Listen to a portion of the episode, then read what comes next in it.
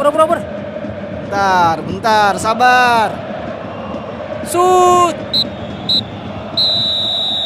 Ya, udah setengah babak.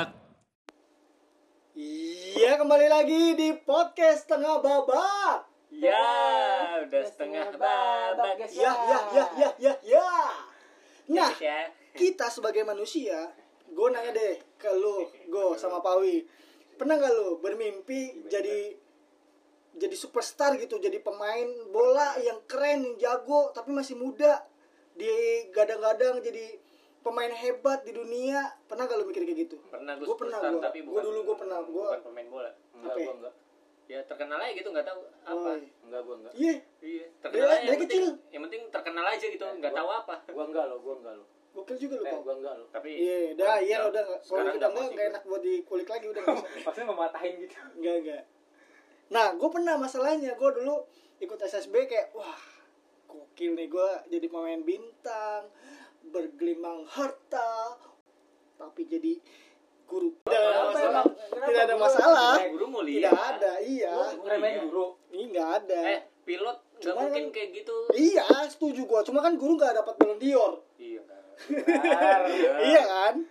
Nggak ada, nah gitu. Nggak Gua pemain-pemain muda yang dulunya disebut apa digadang-gadang jadi anak ajaib Iya. yang jadi prestasi di masa depan tapi ternyata gagal disebut the next inilah the next itulah nah itu akan kita coba bahas di episode kali ini wonder kid yang tidak wonderful Bagus, Mantap, keren. gila. Keren enggak judulnya? Udah ada peningkatan. ya kan Keren. wonder kid yang tidak wonderful Hmm. gitu. Nah kita mau bahas karena pasti di setiap musim tuh ada aja pemain-pemain Ada, ya. muda yang potensial dan punya potensi jadi bintang. Ada. Terus kayak biasanya memang kalau misalkan yang muncul gitu kayak wah bagus nih mainnya. Dia ntar disebut jadi the next CL lah, the next Messi. Terus juga ada julukan-julukan sempurna. bukan bukan Master Chef. Aduh. Master Ma- referensi. Magic Magic. Referensi. Beda. Beda ya? beda referensi. Beda referensi ya. Ya guys ya. Aduh kesel banget gue dengerin. Nah gitu maksud Kita gue. gampang sekarang. Iya, ulang aja apa yang diomongin.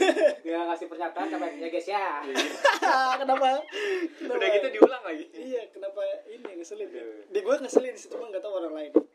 Ya. Nah gitu jadi ada pemain-pemain muda yang udah digadang-gadang bakal jadi the next Pele, the next Messi. Ternyata ya udah Ya udah. cuman jadi wonder kid yang tidak wonderful tapi pesona Indonesia Tadi udah di tes dulu tadi. Lumayan sih. Tau ntar. nah kalau misalkan dilihat dari proses atau progres si pemain-pemain muda ini sebenarnya talenta muda ini eh, nggak langsung tiba-tiba dia jadi pemain hebat gitu dia melewati banyak proses juga dia melewati banyak eh, apa struggle struggle juga sehingga dapat prestasi yang gemilang Yap. tapi eh, mungkin ya mungkin bisa dibilang wonder kid yang tidak wonderful ini tidak berlaku untuk Erling Haaland sama Mbappe ya kita bisa Ya. lihat lah ya gimana dia cemerlangnya masih muda Gokil. berpengaruh banget buat timnya Mbappe udah juara eh, Piala Dunia ya Ya. di usia ke 19-nya gitu Betul. Betul. Nah, selain dua itu ada beberapa pemain yang tadinya digadang-gadang jadi bintang masa depan ternyata ya nasibnya tidak sebaik apa yang orang-orang bilang. Nah, kita coba rangkum beberapa mantan wonderkid yang ternyata tidak wonderful. Wow. Siapa aja kah? Langsung mereka? aja kita masuk yang pertama ada Freddy. Aduh, sialan. Si Sidul anak Betawi asli. Kerjaannya Sembayang mengaji. bagus. Lanjut. Nah, si Freddy ini digadang-gadang atau disebut sebagai the next Pele. Dia disebut sebagai the next Pele. Eh, Julukan ini itu cukup melekat sebenarnya sama Freddy Adu. aduh. Dia tadi udah jokes adunya udah kalau usah lu ulang lagi. lagi. Dia biasa ngulang ke atas sekarang ngulang ngulang jokes anjir. nah, si Adu ini sempat jadi sensasi di Amerika Serikat. Skill sama bakatnya ini eh, kelihatan di debut profesionalnya tahun 2004 sama DC United. Yang kalau di Indonesia jadi DC Depok ya. ada kayaknya kan? sih kayaknya sih nggak ada cuman mungkin ntar ada Iya, ada setahu gue yang di si Depok. Nah, Itu di Red saat Bull. itu Red Bull ya? Red Bull. Red Bull Red Depok Bull. ya, salah gue. Di si De- di si Depok, di si United itu yang waktu itu trialnya ini ya, pemain Indonesia siapa? Aduh, gua- iya gue tahu. Lupa lagi gue. lupa lagi ada lah pokoknya ada pemain Indonesia yang, Yang dulu dapat jersinya Beckham kan? Oh Andi Andik Firmansyah Iya, kan Andik dulu trial di di United dia. iya ya trial. Iya benar. oh, iya. lupa gua. Dia sayangkannya juga si Andik Firmansyah nggak ngambil keputusan buat lanjut padahal iya di si United-nya udah minat loh. akhirnya diambil sama Marvel United Bukan bukan. Bukan bukan DC Marvel bukan. gue mau ngeluarin itu tapi susah ngerangkai kata-katanya dia yang dapat jalan Bukan bukan. Sekarang dia gabung sama Gundala. bah nah, gue kira marah Patar Bukan bukan. Waduh. sama sama superhero Nah, di saat dia gabung dan debut di DC United, Mm-mm. umurnya masih 14 tahun, coy. Umur 14 tahun, dia udah main di tim profesionalnya DC United. lu 14 tahun ngapain Nah, gue 14 tahun masih nyari angkot buat balik dari sekolah. Duduknya di depan lagi nggak berani di belakang. kayaknya istilahnya bukan nyari deh nunggu deh kayaknya Nunggu ya. Nyari gue beneran nyari kalau misalkan dulu pas ini gue nyari angkot coy. 14 tahun itu kita Jarang angkotnya dulu SMP? masalahnya. SMP menjelang SMA. SMP SMA kelas Eh. 3 iya dong SMA dong. SMP dong SMP dong SMP bener ya SMP? SMP. Dong, kelas 3 Iya kan bener SMP menangkan menjelang SMA. Iya bener bener bener. Gue masih nyari-nyari angkot buat balik angkot 25 waktu itu. Iya. Nunggu di komplek perhubungan. Gue masih main Susah bola di samping itu. sekolah tuh sama temen temen-temen gue tuh Goblok ya itu Iya. waktu itu kalau nggak salah orang-orangnya. lah gue diganti di pos satpam Sama Mbak Sialan. M. gablak gablak gablak gablak apa sih mbak En. Nah, bahkan si Freddy Adu ini sempat jadi sampul di majalah Times. Berarti dia seberpengaruh itu gitu, se Gokil. sepamor Punya- itu punya gitu. masa depannya Iya, gitu. Iya, iya. Nah, dia juga sempat mencatatkan rekor menjadi pemain termuda yang tampil di MLS atau Major League Soccer ta- eh, pada divisi, 3 divisi April. tertinggi di Amerika ya Ya, betul. Tanggal 3 April 2004 saat menjadi pemain pengganti menghadapi San Jose Earthquake. Gempa bumi namanya. Emang Nah. gitu kalau kayak Di tanggal 17 Aprilnya ia jadi pemain muda yang mencetak gol dalam sejarah MLS. pemain termuda Pemain termuda, gokil ya. Dia tampil Umur tapi eh tadi umur 14 kan? Di di tahun 2004 itu Oh, dia iya, umurnya iya, masih iya. 14 Oke, tahun. oke, iya. Salah. umur 14 tahun dia udah debut di profesional jadi pencatat rekor juga pemain muda di MLS tapi sayangnya pas dia jadi pemain ganti timnya kalah sama Metro Star dengan skor 3-2 di umur 16 tahun dia dapat panggilan pertamanya untuk membela timnas nasional. Wih, Hah? Hah? tim nasional iya iya. Timnas nasional. Kalau disingkat tadi timnas nas jadinya timnas nas iya adanya Raffi Ahmad. Nanas. Syahnas Iya, bener dong Nanas ya Panggilannya panggilannya. Nanas. Iya. Nah, di usia ke-17 tahunnya, Ahmad Rapatar Syahnas kita sebut-sebut nyinggung aja dulu sama tahu dipanggil aja, tahu. sama Rans Cilegon. Siapa ntar podcast kita berubah jadi Rans Rans setengah podcast. babak. Waduh, Rans setengah babak aduh, pengen ya. Siapa yang gak mau mau, sama iya. Rans Entertainment kan? Yoi. Nah, aduh tadi di usia 16-nya dia dapat panggilan pertama untuk bela timnas. Hmm. Di usia ke-17 dia Sweet 17. waduh Bener dong. iya bener benar Tadi itu gue udah ngeluarin jokes itu tapi gak ditanggepin, udah kebelu ke heckling. Di usia ke-17 tahun. MU sempet nawarin trial di trial eh di MU untuk si Adu ini. ya Tapi Adu lebih milih peruntungannya gabung sama Benfica di Waduh. tahun 2007. Nah, di situlah Kenapa ya, iya. yang disayangkan potensinya yang tadinya udah digembor-gembor sama media itu nggak dikeluarin gitu. Jadi jadi mele- meredup gitu. kenapa malu dia Enggak, memang listriknya habis. Meredup. redup Redup. Mati dia. tokennya bunyi terus tuh Iya. Bener. Nah, hingga akhirnya talenta si Adu ini benar-benar ya udah habis aja gitu. Jadi dia sering ganti-ganti klub. Nah, di tahun 2018 kontraknya habis sama Las Vegas Likes FC. Wow, namanya bagus ya. Las Vegas Likes FC. Terus Adu juga sempat nganggur. dia ikut job fair apa Job. Brengsek. di JCC JCC. dia nyari nyari brosur kan. Biasanya yang paling laku bank tuh. iya bener dia di Instagram mau follow kerja iya bener sama di snacker di snacker Jakarta Terus di Facebook grupnya grup lowongan kerja Cikarang. aduh Brengsek. aduh aduh lucu banget Anjing. Di JCC kalah lagi sama-sama anak-anak SMA masih. Oh iya. sama anak SMA kan dari mau magang, sekolah yang magang. iya, magang. kalah aja Aduh. Aduh, aduh. jadi si Adu ini sempat nggak punya klub selama 2 tahun Wah. dan akhirnya ya. di tanggal 14 Oktober 2020 akhirnya si Adu ini dapat kontrak dari klub eh, ketiga Swedia Osterland ya Yap. Osterland FF nah Fire. iya aduh Keluar kan. Pasti sih gue yakin akan keluar Iya. FF itu Free Fire. Nah, tergantung meskipun. dari siapa siapa yang akan melakukan iya udah ketebak gue meskipun.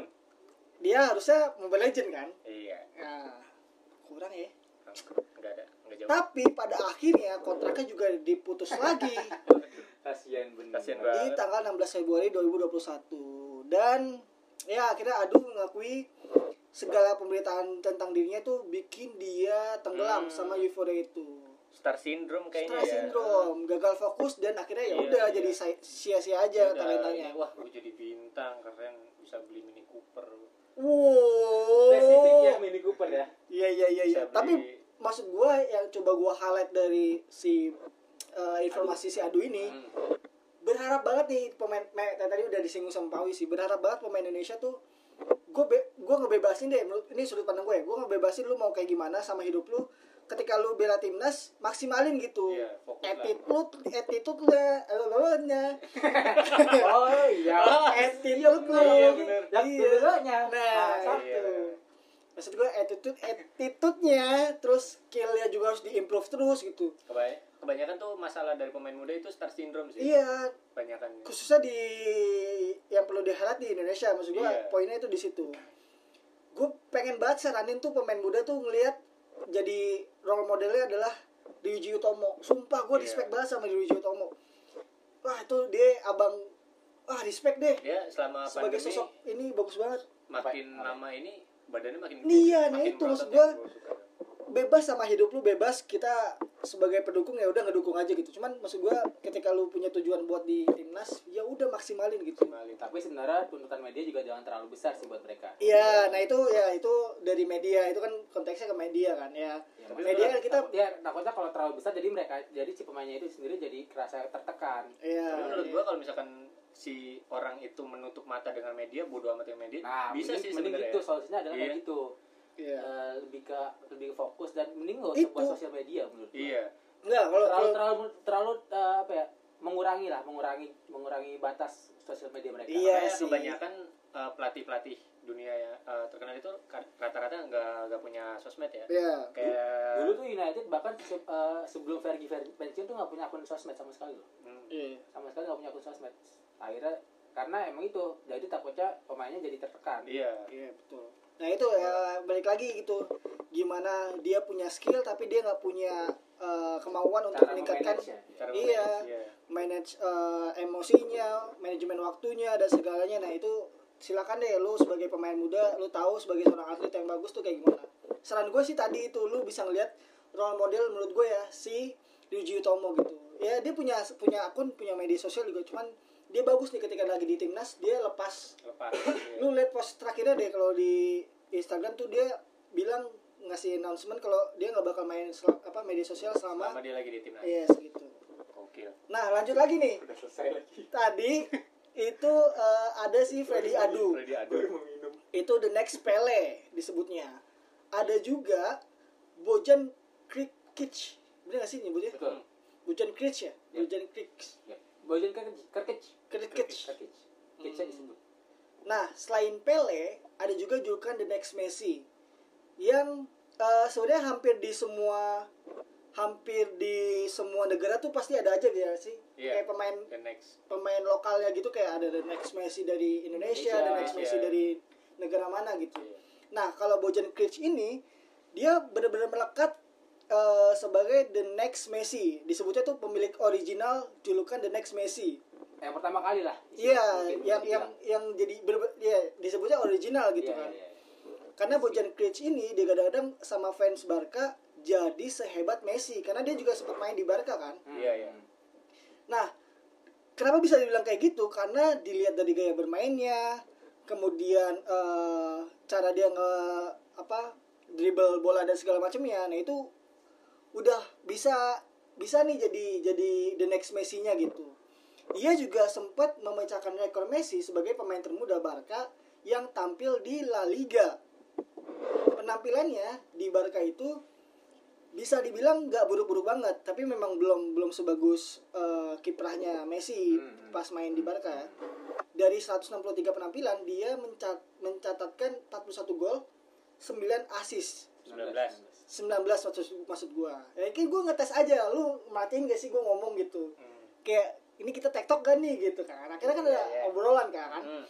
lupa gua tadi Nah, itu kan lihat si sih. dan si Gak juga, lihat aja kan. Iya. si ini juga kan kemunculannya itu berdekatan ya dengan Oh, iya, dominasi Messi. Jadi Iya, iya, iya. wajar lah bisa dibilang ken- kenapa dia disebut next Messi karena emang habis Messi di bawahnya di bawahnya langsung ke Kids. Iya gitu. Generasinya nggak Generasi jauh sama generasi yang gitu. Messi langsung ketika lagi bagus-bagusnya iya. gitu. Dia juga eh, untuk sebagai pemain muda dia punya trofi juga bagus nih. Ada tiga trofi La Liga, dua trofi Champion yang berhasil didapat. Nah beban beratnya itu yang bikin eh, kayaknya performanya makin turun. Hmm. Jadi kayak ya beban beban nggak nggak- tergantung orangnya sih gimana Iya. cara memanage bebannya itu cuman si cricket ini Susah ya jadinya jadinya si Bojan. ya Bojan si Bojan ini jadinya makin turun malah tata performanya. Dia kayak gak enak Iya. gitu sama Messi ya. iya kayak aduh Aduh, bang maaf nih bang maaf. bukan bukannya gue pengen nggak udah sopan nih. iya gitu Karena udah mau- melekat di gua tapi guanya aduh. Iya gue kayak jangan deh jangan deh. Tolong, Bukannya gitu. ngelangkain nih. iya cuman ya ini Mana bos?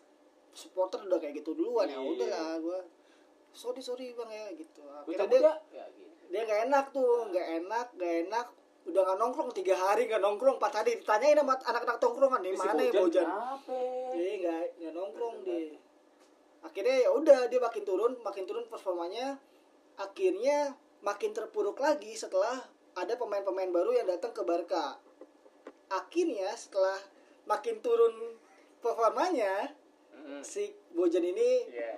dilepaslah ke AS Roma tahun 2011. Semusim berselang, Roma minjemin ke AC Milan. Milan. Terus sempat juga balik lagi ke Barcelona tahun 2013. Terus dipinjemin lagi nih. Memang agak ya ya bisa diharapin gitu kali ya. Jadi dipinjemin mulu gitu. Jadi kayak performanya engkot-engkotan gitu. Ah, Gimana tuh? Gimana? Apa? Engkau eh Ndut-ndutan apa? Aduh, gak, gak menolong sih. Gak mengubah makna itu. Nye, nye, apa sih? Ah, masih nggak baku. Eh, apa naik sih? turun. Naik turun. Masih Itu. naik turun performanya. Ndut-ndutan. Dot-dotan tuh gimana sih? Njut-njutan apa sih? Itulah maksud gue. Ya kayak mau nggak mau gitu mainnya gitu. Akhirnya pinjemin pinjemin dipinjemin. Akhirnya Berbalik. dia berga Akhir- akhirnya dia eh pindahlah ke Stock City tahun 2014. Selama lima musim, Bojan mencatatkan 53 pertandingan dengan 14 gol dan 2 assist. Dia juga sempat main di kasta Liga Kedua, Liga Kedua Inggris karena Stock sempat terdegradasi di akhir musim 17-18. Per tanggal 1 Januari 2021 dari tim yang sudah menghimpun informasi ini Keren, keren, keren. Gokil. kita dapat kabar kalau Bojan itu nggak punya klub Ada analis. karena dia KTP-nya nggak bisa lolos. Kamu nggak bisa masuk klub, kamu nggak boleh ajoji. Aduh, ke arah situ ya. Waduh. Iya, Makanya dia nggak punya klub, Iya, iya. Iya, karena nggak boleh ajojing. Belum 17 tahun. Iya. 17 tahun. Aduh, ke situ. ke Eh itu si Bojan ini nggak punya klub per tanggal 1 Januari karena kontraknya nggak diperpanjang sama klub MLS namanya Montreal Impact. Gitu deh kira-kira dari dua pemain. Nah masih ada lagi nih pemain yang lain yang disebut wonderkid tapi tidak wonderful Nah, yaitu selanjutnya ada Alen Halilovic. Padahal tadi sebelumnya adalah Bojen tuh jatahnya gua mat. Oh iya. Kenapa lu lu Kenapa lu baca? Semangat, Bos. Itu udah gak apa-apa itu. itu masuk ke perhitungan pembagian ingin kita. Ya, nggak Di invoice ketahuan ya Iya, iya, bagian. ketahuan. Nih si aja nih ngambil jatah dia gue. Luma- Lumayan skip satu. Yang ketiga ada Allen Halilovic. Oh iya, gue tadi cuma baca nomor satu doang ya. Iya. Kalau sebelumnya ada The Next Messi versi original, ini ada versi Enggak original. eh, nggak originalnya, Iya. alias eh, KW-nya. Gretori. Pemain yang satu ini merupakan The Next Messi cabang Kroasia. Oh iya. Eh, di cabang-cabangnya. Cabang. Iya, kan banyak tadi kan udah dibilang tadi banyak negara-negara yang si mengaku Egy, ya. iya kan. Indonesia Ada, ada. Di Kroasia eh, si Allen Halilovic ini. Iya. Pada 24 Oktober 2012. Cirebon. Aduh, Oh, masih sorry, sorry, sorry. Ah, apa? Cirebon. Oh, ada. Cirebon. Enggak, enggak tahu. Mungkin ada. Pada 24 Oktober 2012, Al- Halilovic masuk menggantikan Mateo Kovacic pada ajang Liga Champions saat usianya berusia 16 tahun. Namanya tersebut mencatatkan rekor bagi Dinamo Zagreb sebagai pemain termuda yang bermain di ajang tersebut. Menjelang usianya yang ke-17 tahun, Halilovic mendapatkan panggilan pertamanya untuk timnas Kroasia dan kembali memecahkan rekor sebagai debutan termuda sepanjang sejarah timnas. Rekor-rekor tersebut yang akhirnya membuat media menjulukinya sebagai Messi Kroasia. Eh, hal tersebut pun akhirnya terdengar oleh Barcelona dan ingin membayangnya untuk dijadikan sebagai aset masa depan mereka. Hmm, iya. Dan Banyak akhirnya- jedanya ini. dan akhirnya saat benar-benar pindah ke Barcelona, Halilovic hanya menghabiskan waktunya di Barcelona B. Lebih banyak menghabiskan waktunya di Barcelona B. iya. Ia bahkan hanya bermain satu kali di level di level senior dalam kurun waktu 2014 sampai 2016 saja. Ah, Capek banget. Capek. Dia kayak Capek kayak banget. siswa yang disuruh guru baca buku ya. Kamu baca halaman ini. Capek banget kayaknya. Makanya santai, Pak. Apa sih ya? Yang dikejar apa sih? Sih kejar apa sih lu? Duit gak ada juga. capek capek capek. Lu kejar iman Fem, dong. fem juga nggak. Waduh, bagusnya bagus. Ya lagi gue harus kejar itu lagi. Iya. Eh, ia Oke. pun eh, si Halilovic pun harus keluar sebagai pemain pinjaman ke Sporting Gijon. Hmm. Setelah itu, Jerman pun jadi tempat berikutnya ia mencari pengalaman. Namun, pengalaman-pengalaman yang ia peroleh tersebut eh, tidak tidak membuat Barca tertarik untuk memulangkannya. Iya. Hingga akhirnya AC Milan kembali salah. Hingga akhirnya AC Milan kemudian datang memberi penawaran untuk Halilovic pada tahun 2018. Akan tetapi nasibnya masih juga sama, terpinggirkan. Selama musim 2018-2019 ia hanya dimainkan sebanyak tiga, tiga kali. Itu pun hanya di Liga Eropa. Oh, Nggak ada li- li- liga lokal nggak dimainin ya? Sama sekali enggak? Sama sekali nggak dengar tadi saya bilang. hanya di kan Liga Eropa. men- menekankan. Enggak dengar tadi. Menebalkan, menebalkan. Mana sih? Aduh, perhatiin dong. Ah, capek tahu. Tadi sampai mana? Tidak ada. Ayo benar. Ka- Karena tidak ada satupun pengalaman yang dia peroleh di ajang Serie A, ia pun akhirnya ke- di- kembali sebagai berakhir sebagai pemain pinjaman. Pada November 2020, setelah dipinjamkan Rossoneri ke Standard Liège dan Herenveen, Halilovic pergi dari San Siro menuju klub Inggris Birmingham City. Ya, berarti dia bisa dibilang jadi wonderkid yang sekali tenor udah habis gitu ya. Iya, jadi Iya. cuman sekali Di pas di itu doang sekali tadi itu. namanya namanya mencuat di permukaan pas Iya, jadi pas iya Liga Champion digembar-gemborin sebagai the next Messi Iya. sama lah kayak banyak pemain muda kan tadi dibilang di- digembar-gemborin sebagai the next siapa the next siapa oleh media Iya. akhirnya jadi turun juga karena betul. uh, menahan beban yang terlalu berat Terlalu gitu. cepat kayaknya dia dinaikin namanya. betul Ya mak maksudnya mau tidak mau kan perkembangan zaman ya pasti berkembangnya juga pesat gitu. Jadi ada berita apa sedikit eh, apa prestasi apa langsung dinaikin di media meluas jadinya langsung naik namanya. Gagal fokus lagi. Iya, beban juga. Nah, Beban ini juga poinnya ketika pemain-pemain pemain muda muda. kayak gini dihadapin sama beban-beban yang berat kayak gitu, mentalnya bisa ada yang siap, bisa ada yang jatuh. Gitu. Ya beberapa pemain di sini tuh mentalnya jatuh aja gitu ketika digembor-gembor jadi pemain bintang. Ternyata bebannya terlalu berat, dianya nggak fokus, dianya nggak bagus, turun performanya. Dipinjem-pinjemin lagi, ya kan? Pinjaman lagi, Pinjaman nyicil lagi. lagi Nggak balik-balik lagi. gaji nggak seberapa mana sih kerja pusing lanjut Lanjut. ada siapa bang Ah, selanjutnya ada Hakim Ah. Mastur Oh, iya. nah adik dari pelawak Nah, Mandra ini Saya sudah tahu. Bukan bukan. Mastur Saya sudah Bukan, tahu ya? itu guys. Pelawak master. bukan Kasih keluar juga guys ya. Oke guys ya. Lanjut guys ya. Nah, Hakim Mastur ini digadang-gadang akan bersinar di masa depan. Pemain Maroko bernama Hakim Mastur ini direkrut Milan seharga 500 ribu euro dari AC Reggiana pada tahun 2012. Eh, waktu itu Mastur juga diincar oleh sempat diincar oleh Bar- Barca, Juventus, City dan Manchester City dan Real Madrid pada saat usianya berinjak 14 tahun. Wah, Ini nih yang bikin yang bikin tim-tim lain iri ya. iya. Karena AC Milan akhirnya bisa dapat si Hakim Hakim Hakim Master ini Master ini. eh, Pemain muda klub-klub 14 klub-klub tahun. besar Hakim. semua yang Bukan bukan. tiba-tiba dibersihin dong. Bersin. Kaget kan? Iya, Kaget kaget bro, Kaget dong. kaget. Nah, lanjut loh. Nah, skill olah bola Master ini dianggap di atas rata-rata. Aksinya juga Rata-rata berapa kalau waktu itu dihitung? 7,5. Coba hitung deh 650 di bawah tiga ditambah 637. dari mana? 650 terus 637. Asal naruh angka. Angka angka siapa? Angka, angka dari mana? Iya, rata-rata 80 lah ya buat KKN Iya. di sekolah. Nah, aslinya di Kalau sekolah yang bagus. YouTube di YouTube juga membuat orang banyak memujinya.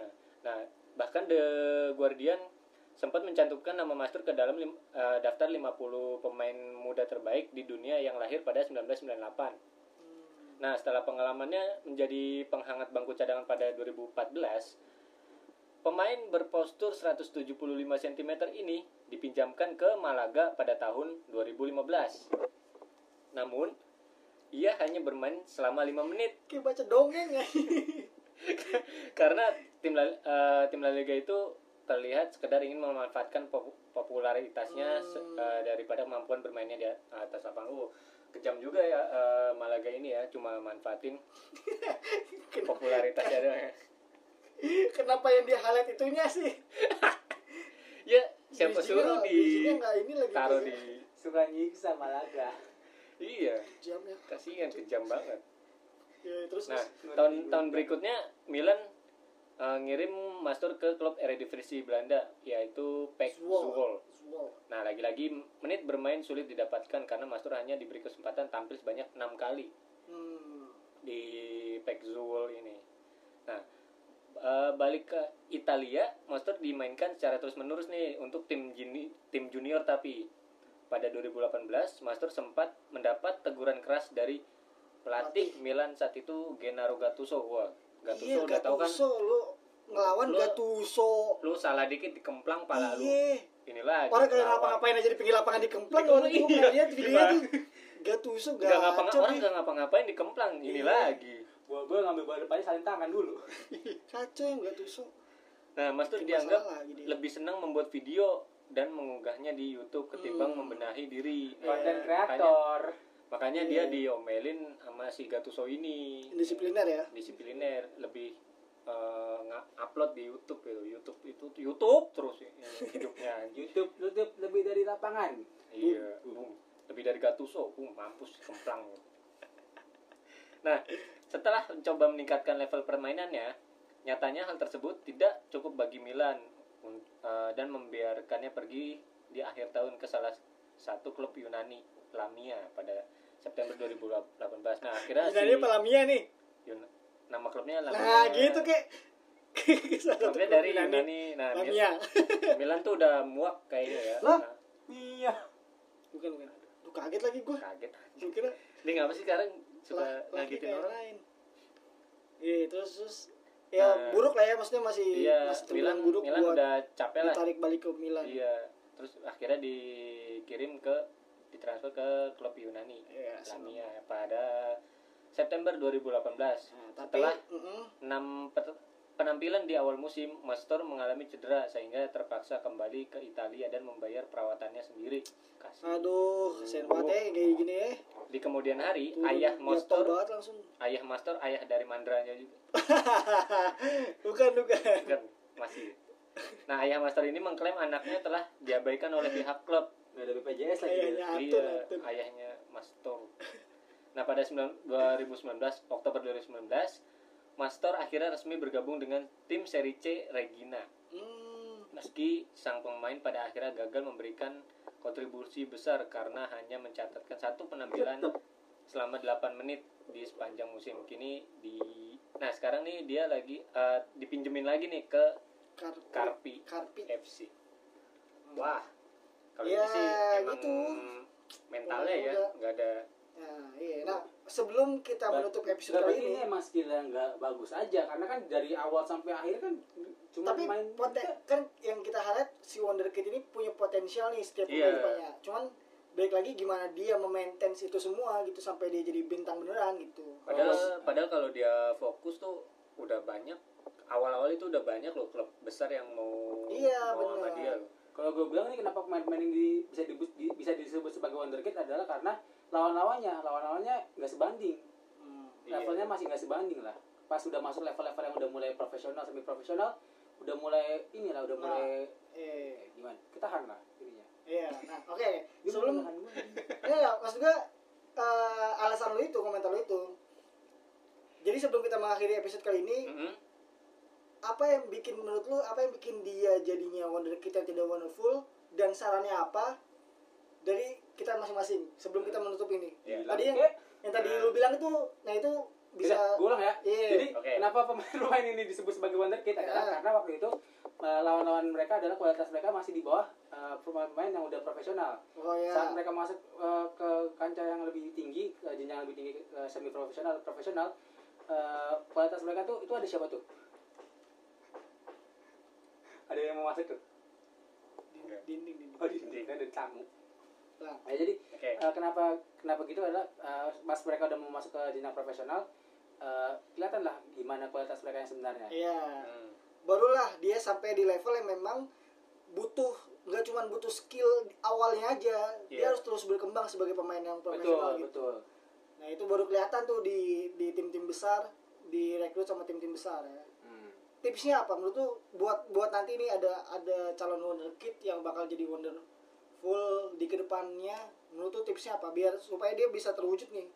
Ya udah Betul. tetap tetap fokus sama gameplay gameplay sama sama eh, ngembangin permainan dia aja. Ya gak usah terlalu bagus ini iya, gak usah terlalu dengerin apa kata media lu Iya, seba- Iya. sebagus apa sehebat apa nantinya di masa depan. Iya. gak usah lah. Lo apa tau kenapa dia jadinya wonderkid yang tidak wonderful? Dan alas apa saran lu apa? Sama sih kayaknya. Saran gua jadi Wonder Woman, waduh tapi dia jadi pahlawan pahlawan. bener padahal pahlawan juga ada Wonderman tau Oh, iya.